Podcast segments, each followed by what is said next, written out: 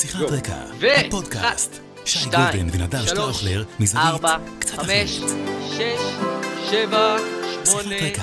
תשע, עשר, אהלן, אהלן, שיחת רקע, פרק מספר 63, כמה חיכינו, שייקה, כפרה עליך. כן, נלבין, כן. הגעתי.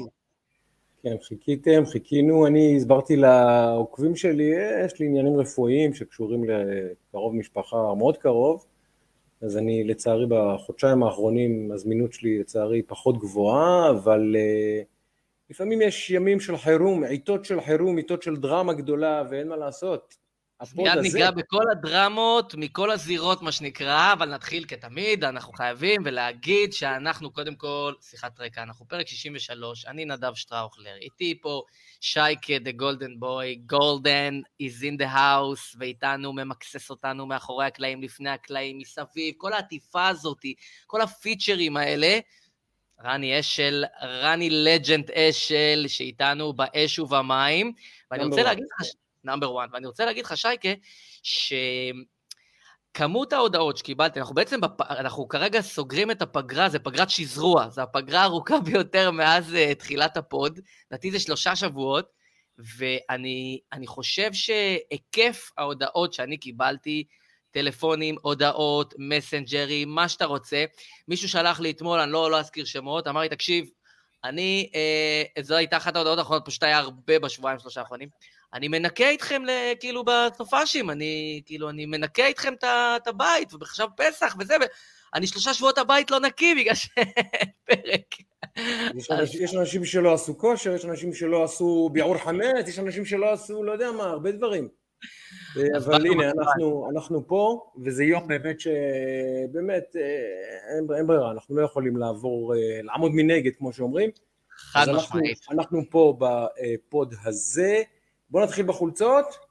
בקצרה, בואו תמיד. נגיד למי, ש, למי שצופה בנו בפעם הראשונה, נדב שטראוכלר, יועץ אסטרטגיה, יועץ תקשורת, חבר קרוב, אח ממש, אני שי גולדן, עיתונאי וכולי, אנחנו מנהלים את הפודקאסט הזה כבר שנה וחצי, 63 פרקים, אמת. אה, פודקאסט שמוקדש לאהבות שלנו, אחד, ספורט, ואנחנו פותחים כל פרק בחולצה שאנחנו לובשים, מנסים להגיד סיפור קצר, מה החולצה או השחקן שאנחנו אה, אה, לובשים את החולצה שלו, או השחקנית, אומרים עבורנו, ואחרי זה גולשים לנושאים שמעניינים אותנו, אקטואליה, פוליטיקה, אתם יודעים, אה, הניתוחים הפוליטיים הטובים ביותר שיש, אני חושב, ברשת, יש בפודקאסט הזה, וזה לא בגללי, זה בגלל חברי הטוב פה נדב, אז אה, שווה לכם להאזין.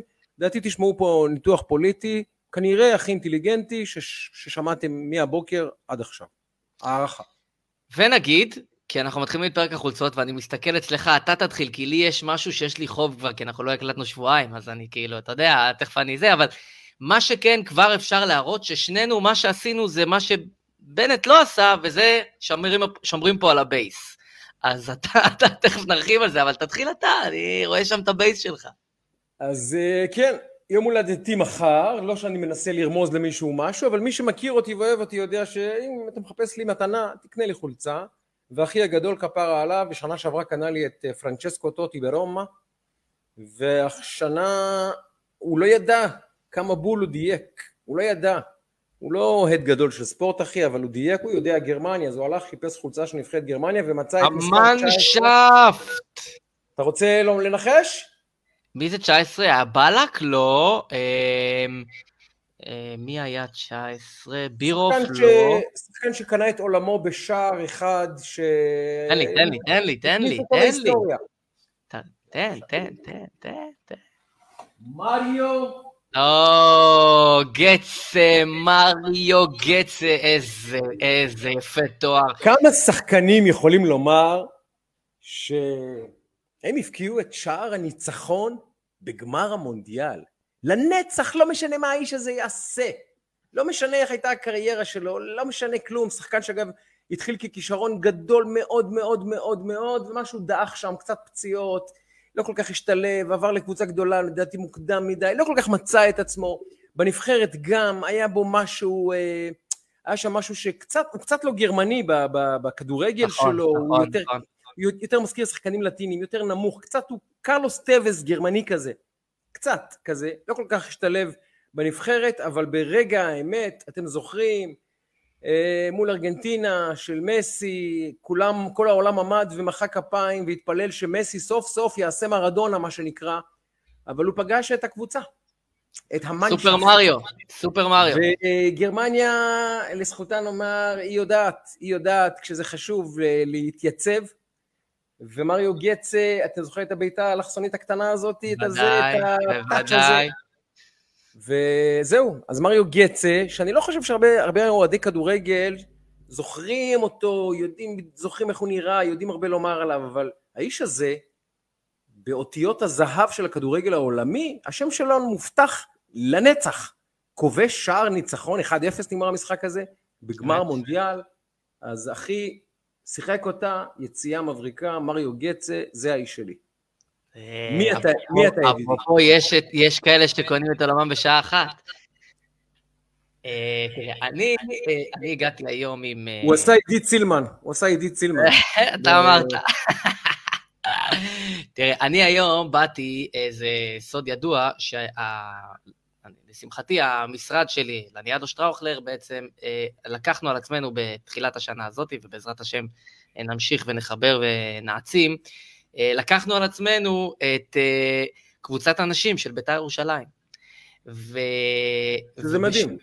שזה מדהים. כיף אדיר, זה פשוט, רק שתדעו לכם, כדורגל נשים, אני גם לא ידעתי, כאילו, עקבתי קצת על מונדיאלים וכאלה, ועל שחקניות ממש נבחרות, אבל צללתי לתוך העניין בעצם עם החיבור שלי לקבוצת הנשים, אני גם, אה, מאחורי הקלעים גם עסקתי בכך שהיא תקום עוד לפני כמה שנים, אבל אחרי, דיברנו על איזה, אחד האירועים שהיו אמ, באותו משחק אה, של ביתר נגד הפועל, שהיה שם סיפור עם שחקן מוסלמי והכו איזושהי בחורה, ואני אמרתי, זה היה, זאת התגובה הציונית ההולמת, לקחת את ביתר נשים שיש בה אה, בקבוצה הזאת אה, בלמת חרדית ומגינה ימנית אה, מהציונות הדתית וקשריות שאחת, כמה, חלק מהשכונות מירושלים, חלק מחוץ לירושלים, חלק אימהות לשלושה וארבעה ילדים, חלוצה מהקולג' בארצות הברית וחלוצה בשם רגד בייר שהיא מוסלמית, שהיא גם בקבוצה והיא מדהימה, וקבוצה פשוט מרגשת עם תמהיל ותלכיד מרגש במיוחד.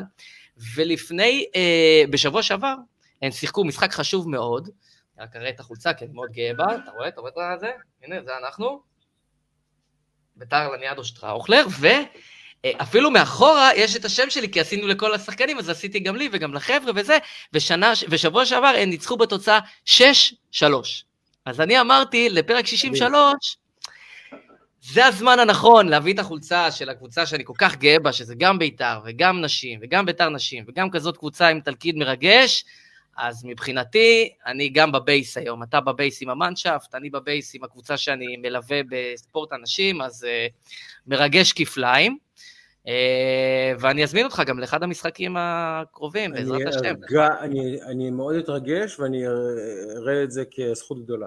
וכל כן, הכבוד כן. לכם, כל הכבוד לכם, כי יש את אלה שאומרים, אלה שמדברים ואלה שעושים. אז יאללה, אנחנו אמרנו, מרגש, ערוץ 7, אורבך בדרך לפרישה מהחיים הפוליטיים. איזה כותרת mm-hmm. שעכשיו נכנסת, לינה קמחי נותנת את זה לנו, נגיד אה, לכל ה... אה, בכל, לא, איזה גזרת נשים? אה, אה, מי זה? אלישב? מה, מה? זה? או אל, אלישב חושב שזה גזרת נשים שלך, לא, מה פתאום, גזרת... אה, לא, לא, זה, זה, זה גזרת אה, גברים, אבל יש גם גזרת נשים. אז אה, למי שרוצה ורוצה, אז רק שתדעו ש... שיש. אה, כן, כן, מאוד גאים בזה. אה, נגיע עוד מעט קצת גם לתגובות, ודיברנו קצת על אה, הרבה מאוד אה, דברים ששלחו לנו בשבועות האחרונים, ועוד אולי נגיע אליהם קצת גם בהמשך. אבל אני חושב שנתמקד בזמן הנוכחי, וצריך להגיד שני, בעצם משהו שהוא קצת דואלי. אנחנו מקליטים עכשיו, אנחנו משדרים בלייב, אבל אני מניח שיש הרבה מאוד אנשים, אני משוכנע שיש הרבה מאוד אנשים שיתפסו אותנו רק מחר או בסוף השבוע עם הניקיונות, או בריצה, או בלילה, אנחנו נמצאים בסיטואציה שבה אפשר להגיד, אשטג התחלנו. זאת אומרת, האירוע בתחילתו. המפץ הראשון, שכמובן קדמו לו כל מיני דברים מאחורי הקלעים, אבל המפץ הגדול שהתקיים במהלך הלילה אה, האחרון, ובעצם יצא בשש וחצי, שבע בבוקר, אה, זה בעצם תחילת האירוע. אנחנו עכשיו רואים את הזנב של סיום של איזשהו סייקל של הרבה מאוד עבודה מאחורי הקלעים, אני מניח, ושיחים הרבה מאוד מאחורי הקלעים, ו, אה, והתגבשויות וכן הלאה, אבל בעצם דיברנו על זה לא אחת שממשלת 61 זה ממשלה שהיא ממשלת קירי תרנגולת, מספיק אדם אחד, ואחרי ששיקלי כבר לא במשוואה, אה, בעצם המהלך של עידית סילמן, להערכתי, אנחנו בתחילת האירוע, אה, ואני חושב שזה גם, אה, זה לא, אה, מה שאנחנו רואים את התמונה כרגע, זה לא התמונה שנראה בעוד אולי 24, אולי 48 שעות, הנה אמרת עכשיו על אורבך, אז אני אומר את זה לפני הסיפור הזה, ובוודאי לא התמונה שנראה בעוד כמה ימים. אבל המציאות השתנתה, המציאות השתנתה באופן דרמטי היום, ו...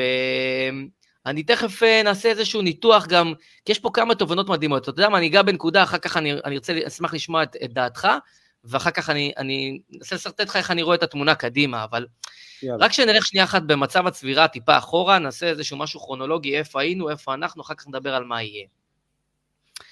אני, אתה, אה, אתה מתחיל או אני מתחיל? אני, אני אתן לך איזה טייק קצר, ואז אה, קח את זה. לכתחילה אסטרטגיית הקואליציה מראשיתה אמרה גרסה כך, נכון אנחנו ממשלה על קירי תרנגולת, בסוגיות המהות יהיה לנו קשה, בסוגיית השרידות, שבעצם זה הטייק הכי משמעותי בממשלה הזאת, השרידות, אנחנו נפעל ככה, נלחיץ אותם, נביא הישגים, הקהל יהיה מאחורינו, יישכחו התגובות והכעסים, ירדו לאט לאט, אנשים שוכחים, אנשים מתקדמים, נביא הישגים, האופוזיציה, כמה זמן אפשר להישאר במדבר, נעביר תקציב, הם יראו שהם לא מגיעים לאף מקום, מישהו שם יישבר, יתפרק, יבוא אלינו. זה כמובן לא קרה, והאופוזיציה החזיקה יציב ונשארה על הרגליים. האופוזיציה, אסטרטגיית האופוזיציה הייתה, נלחץ עליהם, אה, נפגוש אותם בסוגיות הליבה שהם לא יוכלו להגיע אליהם להכרעה, נייצר בקיאים מבפנים, יהיו לחצים מבפנים וציבורית מבחוץ, הקואליציה שברירית, חסר אדם אחד, מישהו יישבר. דה פקטו במערכה האסטרטגית, הדוקטרינת אה, אלקין, במובן הזה, שהוא בעצם התווה את, את הדוקטרינה של לתת ג'ובים לכולם, עכשיו מצחיק שאומרים, אה, הם נותנים ג'ובים, זו הייתה הדוקטרינה לכתחילה, לתת ג'ובים לכולם, כל אדם קיבל ג'וב, 950 נורבגים. אז להחזיק את כולם אה, מכורח הכיסא ומכורח התפקיד, זה עבד, צריך להגיד, זה הצליח, אבל זה הגיע כנראה לאיזושהי נקודת תקרת זכוכית, והלחצים האלה מהצד האופוזיציוני והציבורי הביאו לנקודה שבעצם אה, סילמן עושה את, ה, את המהלך. אה, מי שיסתכל בין השורות, בסימנים המעידים מאתמול, אוקיי? רק שני סימנים מעידים מאתמול. אחד, נתניהו מודיע שהוא מגיע להפגנה, זה פעם ראשונה מ-2015 נדמה לי, אה, שהוא, אה, אה, שהוא, שהוא מגיע להפגנה, ומהצד השני, ליברמן עם מהלך פופוליסטי גם אה, בא במהלך ציבורי בניגוד לחלוטין מהעמדות שלו ולכל מה שהוא זה, נתן רגע איזשהו משהו, כנראה חשב שיש עוד טיפה זמן. אבל אה, אלה שני הפוליטיקאים הכי מושחזים בפוליטיקה הישראלית, שניהם הרגישו את העניין הזה, שניהם עשו צעדים יזומים, אה, ו, וזה קצת נתן תל, אני רציתי גם לכתוב על זה שמשהו מרגיש שהולך לקרות, והנה זה קרה מהר מהצפוי, כנראה גם בשביל האנשים האלה אפילו זה היה מהר מהצפוי, על אף שזה התגלגל. אמ, ולצד זה אני אומר, אני עוד לא הייתי יוצא במרכאות בחגיגות, כי יש עדיין כמה וקטורים שצריכים להסתדר, ויש עדיין כמה מהלכים שצריכים לקרות, על מנת שהסיטואציה הנוכחית תשתנה. בהחלט היום התקרבנו תכף, דרמטית כן, לבחירות, אבל תכף, יש אותן. תכף נדבר על העתיד ועל מה צפוי לנו, אני, אני רוצה להגיד לך... זה ככה, זה ככה במקרו, עוד מעט נצלול. אני, אני, רוצה להגיד לך, אני רוצה להגיד לך מה לדעתי קרה לממשלה הזאת. היא פגשה את המציאות. היא פשוט mm-hmm. פגשה את המציאות. אה, הקמתה, אנחנו ידענו, עזוב, דיברנו מספיק פעמים על הדרך שבה היא נולדה. ממשלה שנולדה בחטא, בשקר, בכזב, בגנבת דעת, בגנבת קולות, בגנבת אמון, בגנבת יושרה, בגנבת הכל. זו ממשלה שמראש הוקמה עקום לצורך מטרה אחת, להנדס אד הוק איזושהי סיטואציה פוליטית שתמנע מנתניהו להיות ראש ממשלה. אנחנו זוכרים את ההיסטוריה, זה קרה רק לפני שנה.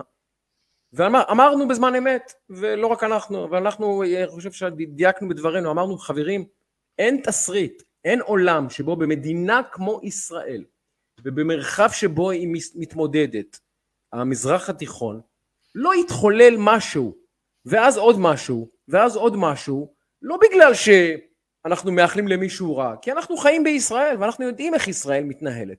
לא יכול להיות שהממשלה הזאת תיתקל באתגרים משמעותיים והיא לא תקרוס לתוך עצמה, כי הקונפליקטים הפנימיים שלה כל כך עמוקים, והניגוד העמוק שיש בין האינטרסים של כל כך הרבה מפלגות בינן לבין עצמן, לא יחזיק את הדבק של אה, הרצון לשרוד. והנה, עם הזמן, ידענו שזה יקרה. עברה אירוע אחד, עברה אירוע שני, ואז הגיע המקבץ של הפיגועים של השבועיים האחרונים. גל הפיגועים, למה מקבץ? במקביל, אה, קרא לה אה, חלק גדול מחברי הממשלה מצד שמאל, מה שמכונה, עלה להם, עלו, התבלבלו קצת, התבלבלו בעדינות וברגישות ובמורכבות שצריך לנהוג בממשלה שכזאתי, שיש לה ראש ממשלה חובש כיפה עדיין, שעדיין מגדיר את עצמו לדעתי, לא בדקתי אבל לדעתי הוא מגדיר את עצמו עדיין, יהודי אמוני, שומר אה, זה, והורוביץ דוחף לו את החמץ לתוך הפרצוף. עכשיו, כאשר אתה אה, בממשלה שבה כל אחד מהשרים מרגיש ראיס בעצמו, בעצמו הוא מרגיש ראיס, ומשרת רק את האינטרסים האישיים שלו ושל הקהל הקטן שלו ושל האלקטורט המאוד ספציפי שלו ופשוט מצפצף על האחרים. אתה רואה כל כך הרבה פרטיזנים, גם ביוזמות חקיקה, גם ביוזמות פוליטיות, גם בהחלטות בתוך המשרד. שאשא ביטון יש לה מדינה משל עצמה, הורוביץ יש לו מדינה משל עצמו. אה, אה, אה, אני יודע, אין, אין לזה סוף. כל שר ש, שתיקח בממשלה הזאת, יש לו מדינה משל עצמו. איילת שקד בוקר ככה, בצהריים היא אחרת, בבוקר אחרי היא אחרת שוב, אתה כבר לא יודע ובנט, מעבר לעובדה שהוא נכנס לסיטואציה פוליטית שהיא, תקשיב, גם ווינסטון צ'רצ'יל לא היה מצליח לנהל את הממשלה הזאת, שלא תהיינה אי הבנות. גם שלמה המלך לא היה מצליח לנהל את הממשלה הזאת. זו ממשלה שאי אפשר היה להדביק מלכתחילה. היא הודבקה ממש בכוח מלקחיים אלים ממש, רק כדי להחזיק את נתניהו מחוץ ל, ל, ל, אה, לשלטון. והנה, אחרי שנה היא פגשה את המציאות. זה כל מה שקרה. היא פגשה את המציאות, תוסיף לזה את ההיבריס, באמת חטא היוהרה שעלה ליותר מדי אנשים, יאיר לפיד מתנהג כאילו שהוא מנהל מדיניות חוץ מקבילה לזו של, של המדינה בכלל, הוא עם האג'נדות הפרוגרסיביות הפרו-אמריקאיות שלו, מצד שני בנט רוצה רק להתרחק מהאירוע שנקרא אוקראינה רוסיה ומייצר מסר אה, אה, סותר לזה של לפיד. הקיצר אנחנו ראינו מול העיניים מה שאמרנו יום יום ממשלה שאין לה יכולת לתפקד גם אם היא רוצה, ואין לה יכולת למשול גם אם היא רוצה, ואין לה את האדם בראש שיעשה סדר, ואין לאף אחד כבוד אליו, ומנסור עבאס נהג כמו אבו עלי. במקביל ראינו את אה, חברינו הטובים והאהובים הפלסטינים וערביי ישראל אומרים אה יש פה חולשה, יש פה שלטון רופס, יש פה ממשלה שלא מסוגלת לקבל החלטות ואנחנו במזרח התיכון, ובמזרח התיכון אני אספר משהו שכנראה ידהים את מרבית המאזינים שלנו. יש משמעות לזהות העומד בראש המדינה. זה מדהים. אבל מדינות מגיבות אחרת למדינה כאשר עומד בראשם מנהיג אחר, זה לא ייאמן. עכשיו, מה כן, חשוב? זה פלא, זה ממש פלא, זה ממש פלא לא, לראות זה... ש... זה, every action is a reaction, זה, זה, זה, זה חוק חדש. כאילו, שהוא באמת, הוא ייחודי. מדהים. אז התחלף נתניהו, שאין מה לעשות, אחד מגורמי ההרתעה המשמעותיים ביותר של ישראל זה העובדה שנתניהו הוא אדם שהרחוב הערבי והמדינות הערביות והמנהיגויות הערביות רוכשות לו כבוד, שלא לומר אולי אפילו קצת פחד. העמידו את הבנט, עכשיו הם קוראים עיתונים, הם גולשים באתרי אינטרנט, יש להם גם אה, מרגלים פה, אנחנו יודעים את זה, הם יודעים בדיוק מה הלך הרוחות בישראל. אומרים לך בתוך הדבר הזה, שאתה אומר, רגע, אז אומרים לך, לא, למה בתקופה של נתניהו לא היו פיגועים? עכשיו, צריך להבין רגע את הפער בעניין הזה. שזה לא שבתקופת אה, נתניהו או בכל תקופה אחרת לא היו פיגועים, אבל מי שחושב שאין קשר בין הרפיון ובין העובד... החוסר המשילות ב... ב... בעניין הפרלמנ... הפרלמנטרי ובזה שאין באמת היררכיה אה, אה, פוליטית מסודרת, ואדם שעומד בראש ומוביל את העניין הזה, שזה לא מזוהה בצד השני כחולשה ומייצר אינטרס ומומנטום לצד השני לפעול, מפספס את העניין. כמו שמי שראה את ביידן אתמול עם אובמה, באמת, אני ראיתי הרבה דברים בטלוויזיה, זה אחד הדברים המוטרפים שראיתי, למי שלא ראה, ואני ממש ממליץ לחפש את זה, אובמה הגיע אתמול לבית הלבן לאיזשהו קוקטייל, אירוע, אין לי מושג מה, אה, חג פסח, לא יודע מה. ורואים שם את, אה, את אה, ביידן מסתובב, ואובמה הוא בעל הבית ומחבלק צ'פחות וזה, וביידן מסתובב ולא מוצא את עצמו, כמו, כמו בגילופין, כמו חתול שגזרו לו את השפם, הוא לא באירוע, והוא מנסה לגעת באובמה שידבר איתו. זה, זה דקה שחייבים לראות אותה, זה נשיא ארצות הברית בבית הלבן, זה פשוט אירוע מטורף. עכשיו, מי שחושב שאין קשר גם בין ה... אה, האספירציות והמימוש שלהם, למשל אצל פוטין ואצל מנהיגים אחרים, כשהם רואים את הדבר הזה ולא מבין את הקורלציה בין הדברים, מפספס את האירוע. אז ברור שגם היו פיגועים בתקופה של, של טראמפ, אבל פוטין כנראה היה חושב עוד 3,500 פעם לפני שהוא היה עושה מהלך כש... אה, כש אה, טראמפ בבית הלבן, וכנראה שגם האויבים שלנו לא היינו מגיעים לסיטואציות מסוימות, אני לא חושב שהכל שחור ולבן, אם הייתה פה משילות, ונתניהו שהיה בשלטון, נכון, היו דברים, והיו שומר חומות, אני לא מתעלם, אבל מי שלא מבין את ההקשר בין הדברים, ולא מבין שבצד השני מזהים חולשה פועלים, אז הוא מפספס עניין, ואני חושב שאתה צודק בדבריך, שיש קשר גם בנקודה הזאת, אבל, אני לא חושב שהחמץ של פסח הוא זה שקיפל לא, את זה. לא, יש הרבה קשה, הגמל הזה, אגב, גמל, עוד נדבר על גמל. מצרפי. נדבר על גמלים ודבשות, אבל אין ספק שהגמל הזה, די, היה איזה כמות קש, הוא כבר לא יהיה מסוגל היה יותר אה, להכיל. אגב, קש, שאי אפשר היה להכיל. אני, אין לי ספק שהלחץ פנימה, על האורבכים, על הסילמנים, על כל החבורה, מבית, מבית, של הקהילות שלהם, של המניינים שהם מתפללים בהם, של החברים שלהם, של השותפים שלהם מהתנועה, מהבית ספר, מהישיבה, מאיפה לא. וכאשר, אתה העמדת יפה את התופעה שבו, שבה סליחה, אה, אה, מעלה פוסט אורבך לצורך העניין, לא משנה, או כהנא, לא משנה מי, יש 50 לייקים ו-300 תגובות. אתה מבין שהזעם שם. עכשיו האנשים האלה מרגישים, מרגישים, מרגישים את זה, זה מחלחל, מחלחל, מחלחל, ובנט מה לעשות? לא מצליח, אין לו את הכוח האישיותי להדביק גם את החבורה הזאת שלו, שבגדה בכל הערכים שלה, נטשה את כל העקרונות שלה, הפנתה גב לכל הקהל שלה, וגם להחזיק ממשלה שממילא, סליחה על הבוטות, לא, לא שמה עליו, אתם יודעים מה. אז זה, זה גדול עליו, הוא לקח לעצמו משימה, שאני אומר לך, גם צ'רצ'יל לא היה מצליח לעמוד במשימה הזאת. גם, גם להחזיק חמישה אנשים שמראש כל יום עומדים בלחץ מטורף של הקהל שלהם. זה כבר לא עומדים בלחץ של האופוזיציה עוינת, זה של הקהל שלהם, של הבני משפחה והחברים שלהם. אבל, אבל, אתה, אבל, ואתה צודק מאוד, מאוד מאוד מאוד, זאת נקודה מאוד נכונה וחשובה ודרמטית בסוף בנקודה שאליה הגענו. לצד זה דיברת על צ'רצ'יל, צריך להסתכל גם על מה נעשה, אוקיי? אה, בנט לדעתי עשה אה, בוא נגיד, הטעות האסטרטגית הכי דרמטית שלו, היו הרבה, אבל לצורך העניין, הוא המיקוד. כשאתה בקמפיין, וממשלת 61 זה קמפיין מתמשך, כשאתה בקמפיין, אתה צריך קודם כל להסתכל על ה base שלך, להבטיח, להבטיח את השורות שלך, ועמדתי בעבר על, על השוני אה, בהקשר הזה עם יאיר לפיד, שיאיר לפיד, תסתכל, כנסת אחרי כנסת, אין לו עריקים, לא בורחים, הוא אישר את השורות מזמן, הוא, אפשר לקרוא לזה דיקטטורה, אפשר לקרוא לזה, הוא מיישר את כולם, כולם שרים למרותו. בנט עוד לא התחיל את האירוע, שיקלי היה בחוץ, וכל הזמן היה פה התנדנדויות. עכשיו, כשאתה מבין את הנקודה הזאת, אתה מבין שאתה צריך לשמור על ה base, והשגיאה בעיניי הכפולה, היא נעוצה באותו, באותה נקודה, היא בהליכה לאוקראינה, ואני אגיד לך למה.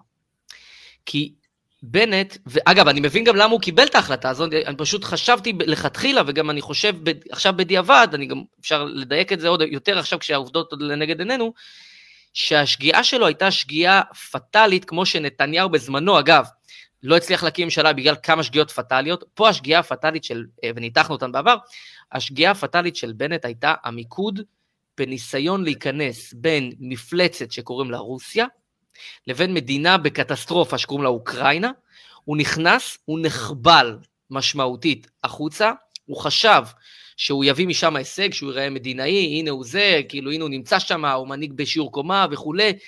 בתכלס הוא, הוא עשה שגיאה כפולה. אחד, הוא לא מילא תפקיד באמת, בוא, מה לנו ולתיווך? מתי אי פעם ישראל הייתה מתווכת? הוא מצא את עצמו יותר כמו רץ קנקן, בצבא מי שמכיר את המושג הזה, מאשר מתווך. מביא ומוציא מסרים לבין מתווך, זה שני דברים שונים. הוא נכנס לתוך סיטואציה שלא היה לו leverage, לא היה לו אה, לא היה לו משהו להשיג מעל. לצד זה, הוא בסיטואציה הפוליטית שנכפתה עליו אמר, אין לי מה להפסיד. לפעמים כשאתה אומר אין לי מה להפסיד, יש לך מה להפסיד. זה כמו שאני כאוהד בית"ר אומר, המצב לא יכול להיות יותר גרוע, הוא יהיה יותר גרוע. אז כאילו, הוא הלך למהלך הזה, כי הוא חשב, אין לי מה להפסיד, כי הרי פוליטית איבדתי את הימין.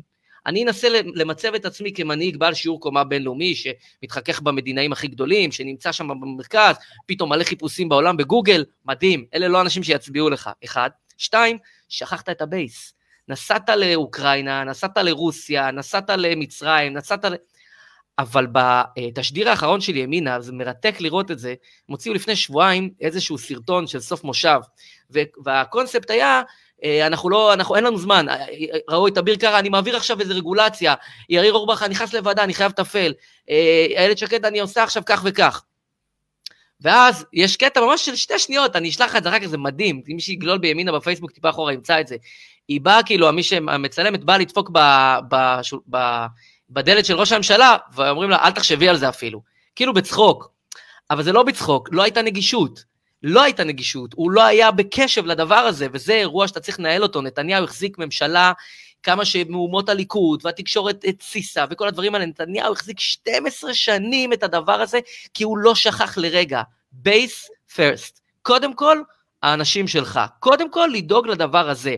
אלקין בדוקטרינה שלו התחיל את זה, ואמר, אני אדאג לכולם לכיסאות, הוא בנה תשתית טובה. אבל בנט לא הצליח לשמור על אחדות השורות, וברגע שאתה רץ כמפקד הכי מצביא גדול, בלי חיילים, אתה נשאר לבד. נדב, למה הדבר דומה? נאמר אתה וחמישה האחים שלך, אוהדי בית"ר קיצוניים, שרופים. כל החיים שלכם בית"ר, הולכים לכל משחק. נוסעים מסכנין עד אילת לכל מגרש משחק של גביע הטוטו. ואז יש משחק נגד הפועל תל אביב, על הירידה. ולפני המשחק אומרים לך האחים שלך, אנחנו עוברים לעוד הפועל. כולם היום ביציע של הפועל, יאללה הפועל, יאללה הפועל מלחמה, הפועל אדומה, ביתר כלבים. תגיד, נגיד שהם משכנעים אותך שזה הגיוני, כמה זמן אפשר להחזיק שם, ביציע, עם אנשים שהם לא שלך, עם קבוצה שהיא לא שלך, עם מחנה שהוא לא שלך, אין לך שום זהות איתם, אין לך שום זהות ערכים, שום זהות אידיאולוגית, שום זהות היסטורית, לא, לא, לא שכבתם בשוחות ביחד, לא, לא, לא אכלתם מאותו מסטינג ביחד, כלום, אין לך שום קשר אליהם, ועכשיו אתה מצפה שאתם תתאבדו אחד על השני ותשמרו אחד על התחת של השני בשם שנאת נתניהו? אז אני מניח שבאיזשהו שלב, באיזשהו שלב, כמה אנשים אמרו, אוקיי, על משקל המאזניים, הרי הלכו עלינו אימים עם בחירות רביעיות, רק לא בחירות רביעיות, כי זה השואה שתיים. יש את הפתרון הסופי, ואז יש בחירות רביעיות. זה סדר הגודל של האסון. ככה דיברו עלינו. אבל הממשלה הזאת... חמישיות, חמישיות שלא יהיה לנו. חמישיות, סליחה. אבל עבר תקציב, אבל עבר תקציב. עבר תקציב. תקציב. לא, אמרתי לך, יש, אה, יש שלושה הישגים היסטוריים בתקצ... במדינת ישראל. אחד כמובן, הקמת המדינה. שניים, ששת הימים. האליפות, הגביע ב-76, כמובן. לא, רק שלושה, הקמת המדינה, ששת הימים, והתקציב של הממשלה, זה שלושה הישגים הגדולים בהיסטוריה, ככה מכרו לנו את זה. כל השאר בטל בשישי. ככה מכרו לנו את זה, אירוע בסדר גודל היסטורי, העברנו תקציב. איך אמר, איך אמר לפיד? עמדנו ביעדי הממשלה, החשוב שבהם הקמתה. זה משפט שהוא אמר ברצינות, זה היה מעניין, שאחד מיעדי הממשלה הוא לקום, אבל בסדר, יאיר לפיד, אנחנו אה, עוד נדבר על האירוע שיכול להיות שאנחנו נקבל אותו ארבעה חודשים ראש ממשלה, או כמה שזה לא יהיה בתקופת מעבר. אני תכף אגיד לך על זה איזושהי תובנה שאני כאילו הולך איתה, ואני מרגיש לא שאני לבד בה. אז הנה, אומרת לי, אה, אומרת לי סימון אייזק, וזה הדוגמה, זה מה שקרה לחברי ימינה. אתה לא יכול להיות אוהד בית"ר כל החיים, ואז במשחק האליפות לשבת בידיה של הפועל ולצעוק מכל הלב, יאללה הפועל, זה לא רציני. אבל... אתה, בסופו של דבר הם בני אדם. כן. נכון. זה יכול היה להחזיק עוד הרבה זמן, אחי. יכול היה להחזיק עוד הרבה זמן, כי איבה, שנאה, אלה ערכים אה, אה, מאוד מאוד עוצמתיים. ערכים לא ממש שזה ערך אידיאלי, אלא, אלא אלה מושגים קשים ו, ו, וקשוחים מאוד. ראית בלפור כמה אנשים הגיעו, לא שכולם היו מאותה זה, אבל דבר מדהים, אפרופו בלפור, הם כל כך הרבה חודשים אה, היו שם, והימין רק אמר שהוא, נתניהו אמר שהוא מגיע להפגנה, הופ, הממשלה מתפרקת. תראה מה זה. אבל אה, אה, תראה, אני חושב שזה יכול היה להחזיק עוד זמן. אה, אני חושב שזה יכול היה להחזיק עוד זמן, ואז אתה נכנס גם לסיטואציה שבה אה, לא בהכרח, תשמע, זה, זה לא היה, אה, קודם כל הקרב עוד לא הוכרע, אוקיי, בוא נתחיל בזה. אבל אין ספק שיש פה turning point, נקודת מפנה דרמטית. אה, אבל זה גם יכול היה לבוא מכיוון אחר, וגם היו סיטואציות, והיו יכולות להיות סיטואציות שבהן אה, מישהו מהצד השני אה, עושה החלטה כזאת או אחרת, אבל תשמע, זה, זה, זה אירוע ענק. אני מסכים איתך שהחיבור פה היה, דיברנו על זה מההתחלה, על הממשלה האקלקטית בהיסטוריה של ישראל, אבל עובדה שהם החזיקו, והאנטי לנתניהו והדבר הזה, זה גם, שלא נחשוב שזה משהו שיעלה מחר, זה אירוע שחי ובועט, ומדהים לראות את ה... את הטרלול שקורה עכשיו ברשתות, כלומר, אתה רואה אנשים בצד השני של המתרס אה, נמצאים באירוע טרלולי לחלוטין, אני רואה ציוצים ופוסטים של אנשים נורמטיביים לכאורה, אה, שפשוט מאבדים את זה. עכשיו, שלחתי לאיזה מישהו באחת הקבוצות, יש איומים עכשיו על אה, עידית סילמן. אז אמרתי, חבר'ה, תרגיעו, כאילו, זה, כאילו, אתה יודע, הרי כל הזמן הם נופפו בזה. הנה, מאיימים על חברי כנסת, הנה, מאיימים על חברי כנסת, עכשיו הרי לא הימין מאיים עליה, הגבירו את ההבטחה עליה כנראה לא כי מישהו מהימין רוצה כרגע לפגוע בה, נראה לי. אה, אבל, אבל זה מדהים לראות איך מציירים את המציאות. אה, בכלל היו אגב כמה אירועים די הזויים של אפרופו ציור מציאות, הקטע שבאירוע של אה, גדעון סער, בכנס כנס של תקווה חדשה, כאילו אירוע שהיה בסיטואציות אחרות, כנראה, אתה יודע, זה היה לפני המפץ הגדול. אה, אז כן. יכול היה, אתה יודע, כאילו לתפוס בכותרות, וכל המ, המגנים, וכל יאיר לפיד, ו, ו, וגנץ, ואחרים שגינו כל כך אלימות וזה, ופתאום כולם משתתקים, אז זה באמת, התקופה הזאת, אני חושב ש... אה, אה, היא הראתה לנו הרבה מאוד דברים אה, בערכים האמיתיים של הרבה מאוד כלים, בין היתר של כלי התקשורת והזווית שהם הסתכלו, בין היתר על דורסנות פוליטית, שבה הפעם לא, ממש לא, לקחו כאילו את מה שכינו דורסנות פוליטית מהימין, ועכשיו איזה הצדקה יהיה אחרי שהכנסת את כל סקנדינביה, אני כבר לא מדבר על נורבגים, מה, מה, מה עכשיו תגידו? כאילו זהו, הם ייצרו פה תקדימים, ודיברנו על זה באחד הפרקים, שתבינו, מה שאתם עושים עכשיו, זה, זה יחזור בריבית דריבית. זה לא ייגמר, הרי הימין יחזור לשלטון, עוד חודש, עוד שנה, זה יקרה sooner or later, המהלכים שאתם עושים... המספרים לא משקרים, החברה בישראל לא משקרת, אנחנו יודעים איפה אנחנו חיים, והעמדת פנים הזאת שהם משחקים פה, שאתה יודע, יש רוב לשפיות, רוב לתיקון, רוב לשינוי, די, באימא שלכם. ראינו איזה אגב... איזה שינוי? אה, תגיד לי אדם אחד, עכשיו אומרים גוש השינוי, שמעתי גוש השינוי. עכשיו אנחנו תשעה חודשים אחרי שגוש השינוי עלה לשלטון. אני אשמח לשמוע, באמת, במה שינו לטובה? במה שינו לטובה? אני, אני לא מצליח למצוא משהו שהם יכולים להגיד, הנה, עשינו איזה Game Changer. אה, אז אני אספר לך מה עשו לטובה. למשל, ידעת שחתמנו, ידעת שחתמנו הסכם שלום חם עם בחריין? ידעת? לא ידעת.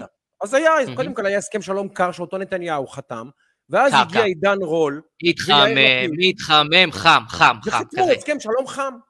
אז כן. היום ישבתי באולפן ערוץ 14, וישבה במקרה תמי שנקמן, שהיא אה, פ, פחות מזדהה עם עמדותיי ועמדותיך הפוליטיות, אישה שאני מחבב מאוד. על הכיפה. והיא אמרה, הממשלה עם הישגים, ואמרתי לה, תגידי, תני לי הישג אחד של הממשלה. היא אמרה, כן, הם טיפחו את היחסים של אה, המדינות עם הסכמי אברהם. עכשיו, זה תמצית העניין. נורמליזציה, הסכמי הנורמליזציה. הסכמי, אה, מה, הסכמי הסחר, איך הם קנו כן. את זה, הסכמי סחר. סחר ההדדי. כן. הסכמי מכירת, ה, מכירת הנשק וביטחון ישראל, כן? זה, איך, איך הם לא ניסו. אז עכשיו, אותה, אותם, אותם אנשים, אותם אנשים שלפני שנה אמרו די, שבס כבר חתם על הסכמים, מה אתם רוצים מאיתנו בכלל? עושים לי פה, אתה יודע, ועידות, נוסעים לי להצטלם, מודיעים על הסכם שלום חם, אין בושה, ועכשיו קושרים לעצמם את הכתר שזה שלנו בכלל. אז הישגי הממשלה גם הם גניבה של משהו שמישהו אחר עשה, שאותו הם הכחישו בזמן אמת. אז זו הממשלה, זה כל כך סמלי, כשהיא אמרה את זה תמי, אמרתי לעצמי, איזה סמלי? כי זו בדיוק הממשלה. לוקחת קרדיט על משהו שמישהו אחר עשה, רוכבת עליו, ובזמן אמת, כשהדבר הזה התרחש, היא בכלל הכחישה שהוא קורה ושהוא טוב. זה הממשלה בתמצית, בקליפת אגוז ממש. וזה ממש סיכום התשעה חודשים שלה עד כה, ממש הרגע הזה. ואנחנו לא, בין לבין, אנחנו לא הספקנו להקליט, אה, כי רציתי לייחד לזה הרבה מאוד זמן, אני אגע בזה בקטנה ונחזור רגע לענייני דיומא, אבל הסיפור של אה, אה, פסגת הנגב. כן. הדבר היחיד, אני צפיתי בכל ההצהרות, קודם כל אני חייב להגיד לך, שכישראלי, עזוב שנייה עכשיו עמדות, מרגש לראות אה, אה, שרי חוץ של מדינות כאלה מגיע, מגיעים לפה, אה, זה אירוע באמת בקנה מידה אדיר. אה, אבל עכשיו השאלה, ואז מה? אוקיי? אמ, כי אני חושב שכשנתניהו חתם על ההסכמי נורמליזציה האלה, לא, this is not what he had in mind, מה שנקרא. אה, כי בפסגה הזאת, הדבר היחיד, אגב, זה היה אמור, היו אמורים לדבר על איראן, כאילו, היו אמורים לדבר על איראן, ואז כולם הסכימו רק על דבר אחד, על זה שצריך לחזור לגבולות 67 ולהקים מדינה פלסטינית, זה הדבר היחיד שכולם אמרו בלי, בלי יוצא מן הכלל.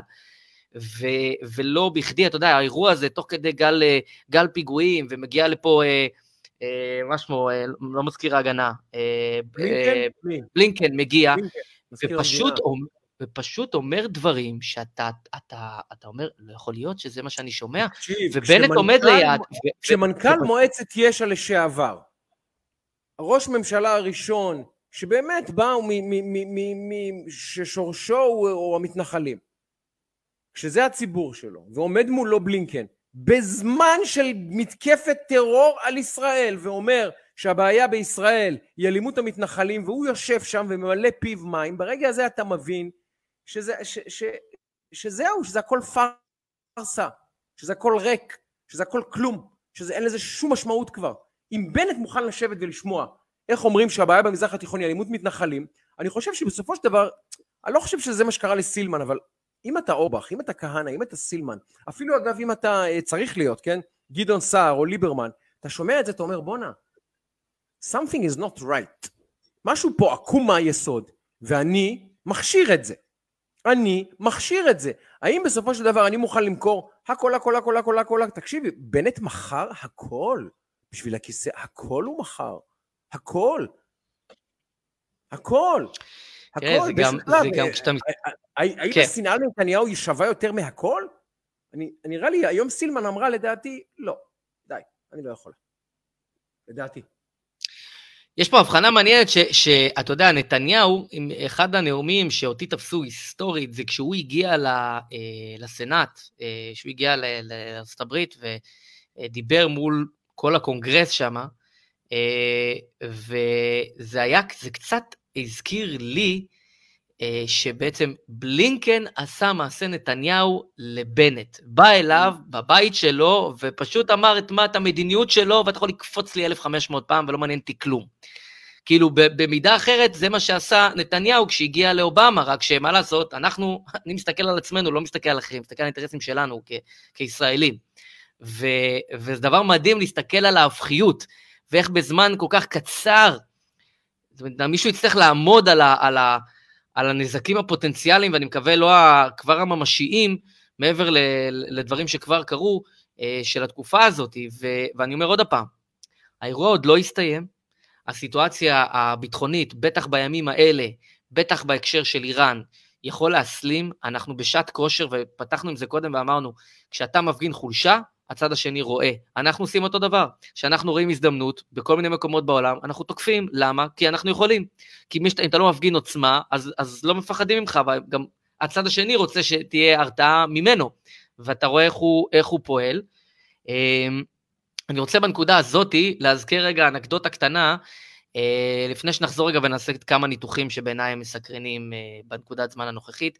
אנחנו בכל שבוע, נכון שלא התכנסנו פה אה, שלושה שבועות כמעט, אבל בכל שבוע אנחנו אה, סופרים את הימים, מי שעוקב יודע היטב, אה, אה, את הימים שאברה מנגיסטו נמצא בשבי החמאס, אה, וזה משהו שאמרנו גם פה, כשהממשלה הזאת עשתה דברים וייצרה דברים, וגם החמאנו לגדעון סער, והחמאנו לבנט, והחמאנו לכל מי שפעל בנושא הזה אה, ו- ויזם מהלכים. וזה לא משנה כרגע אה, פוזיציה או כל דבר אחר, אני, אנחנו אה, מייחלים שאברה יחזור. אברה מנגיסטו נמצא היום 2,768 לילות וימים בשבי החמאס. אה, ואנחנו אה, עם, ה- עם המשבר הזה ייצור איזושהי הזדמנות בדרך זו או אחרת. אז אני אהיה מאוד אה, אה, אסיר תודה, כי משברים לפעמים גם מייצרים הזדמנויות לא צפויות.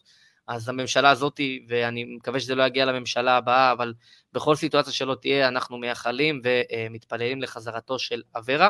אז אנחנו גם בפרק הזה ובכל פרק אה, מקדישים את העניין הזה, אה, ונמשיך ככל ש... נקווה ש... מה שנקרא במינימום, אבל ככל שנצטרך. אני, אני רוצה ברשותך לחזור רגע אחד לענייני הדיומא.